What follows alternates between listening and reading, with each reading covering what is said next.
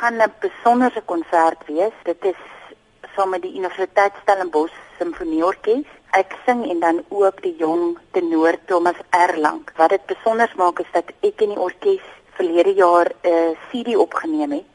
'n lewendige opera gala CD wat ten volle geborg is deur Sanderbank. Ek moet dit navors, maar ek vermoed dit is die eerste keer in meer as 'n dekade wat daar so 'n tipe opname gemaak is, professionele opname met met opera arias en orkes. Dit is wonderlik elke keer as ek jy weet sommer die volle simfonieorkes ek kan doen en dit is 'n fantastiese repertoire, alles van vreeslike passievolle Puccini, uh daar selfs Wagner. Ek kan en Thomas doen 'n Verdi duet. Ons doen Liebenschweigen uit The Merry Widow en dan natuurlik my groot liefde in die lewe, die Spaanse musiek. Ons sluit die konsert af met twee baie vurige Spaanse nommers. Hoe gereeld is dit dat jy optree saam met saam met sulke volle simfonieorkeste? Ek dink as gevolg van die aard van my werk, jy weet, as 'n 'n klassieke sanger, is ek is ek in die bevoordeelde posisie om dit gelukkig darm redelik gereeld te kan doen. Maar selfs vir klassieke sangers is dit nie noodwendig iets wat so baie gebeur nie, want jy weet, 'n simfonieorkes is 'n baie duur ding om saam op 'n verhoog te kry. Nou wat se dinge waaraan jy moet aandag gee? Wat wat's van die uitdagings om saam met 'n simfonieorkes te sing? Ek dink kyk vir ons wat opgelei is om, jy weet, ek is 'n opgeleide opera sangeres. So ons dit is al ons moedersmelk. Ja. Ehm ja. um, is so saam met die orkes. Maar wat ek dikwels sien uh met sangers wat ek weet nie ek antwoord eintlik jou vraag nou so 'n bietjie so om die bos met 'n ompad. Is dit sangers wat nie so baie met sinfonieorkeste optree nie, wat ge meer gewoond is aan weet 'n kleiner groepering of 'n tradisionele dit is 'n band. Hulle sukkel nog hulle met dirigent te volg. En ek dink dit is die groot ding vir 'n sanger en 'n orkes en 'n dirigent om almal saam asem te haal en saam musiek te maak. Ons praat ook dikwels in die sangwêreld, praat mens van 'n sangersdirigent. Jy weet baie ouens besef nie dis nie dieselfde om 'n uh, stem te dirigeer vir vokale musiek as vir instrumentale musiek nie want ons haal anders asem omdat ons besig is om woorde te sing. So dis 'n heel ander manier van van interpreteer.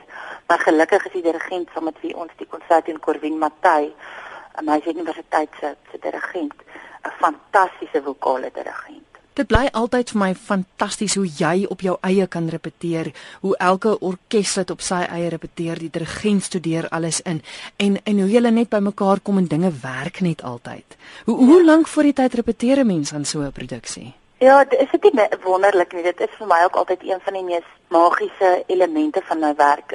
Ek sê altyd eintlik so lekker soos wat dit is om op die verhoog te gaan staan en sing. So lekker is dit vir my om vir maande lank op my eie voor die klavier te sit en voor te berei vir 'n opera of of so 'n tipe gala konsert. Maar in antwoord op jou vraag, dit vat lank, jy weet. As ek 'n opera instudeer, weet maak 'n mens jou kalender skoon. Jy jy, berei vir so 3 maande voor as jy dit weet ordentlik mm. wil doen. En dan dink ek altyd uh, nou dat ek so praat daaroor aan aan die wonderlike sopran Mirella Freni wat gesê het as sy vir 2 maande aan 'n ding voorberei het aan opera rol en ons het een noot wat sy nie perfek kan sing nie, dan doen sy dit nie. Sure. Ja, is dit nie ongelooflik nie? So weet met met klassieke sang, dit is so tegnies en terselfdertyd moet dit so spontaan klink. Jy weet jy dit is 'n moeilike ding om te ja. doen, maar wanneer mense daarna luister, moet dit baie natuurlik klink. En om dit te kan regkry, moet sangers en instrumentaliste baie hard oefen en werk vir ure op 'n dag om dan op die voor te gaan staan en dit te laat lyk soos die maklikste ding op aarde.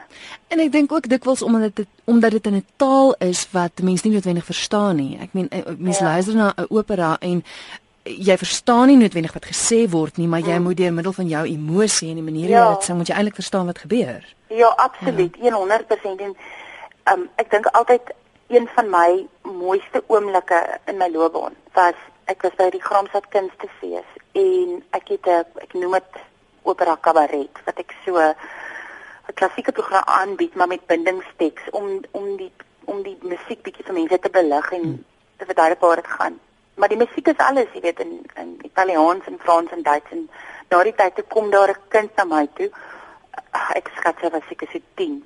Toe sê sy vir my, ek weet nie wat jy sing beteken nie, maar ek verstaan dit. En dis presies wat jy nou sê, is dat daar is 'n inherente krag in die emosie van hierdie tipe sang en ek dink dit is hoekom dit my gunsteling tipe sang is was en altyd sal wees want die emosionele krag daar agter is net so sterk en dit is hoekom opera as dit mooi gedoen het en reg gedoen word.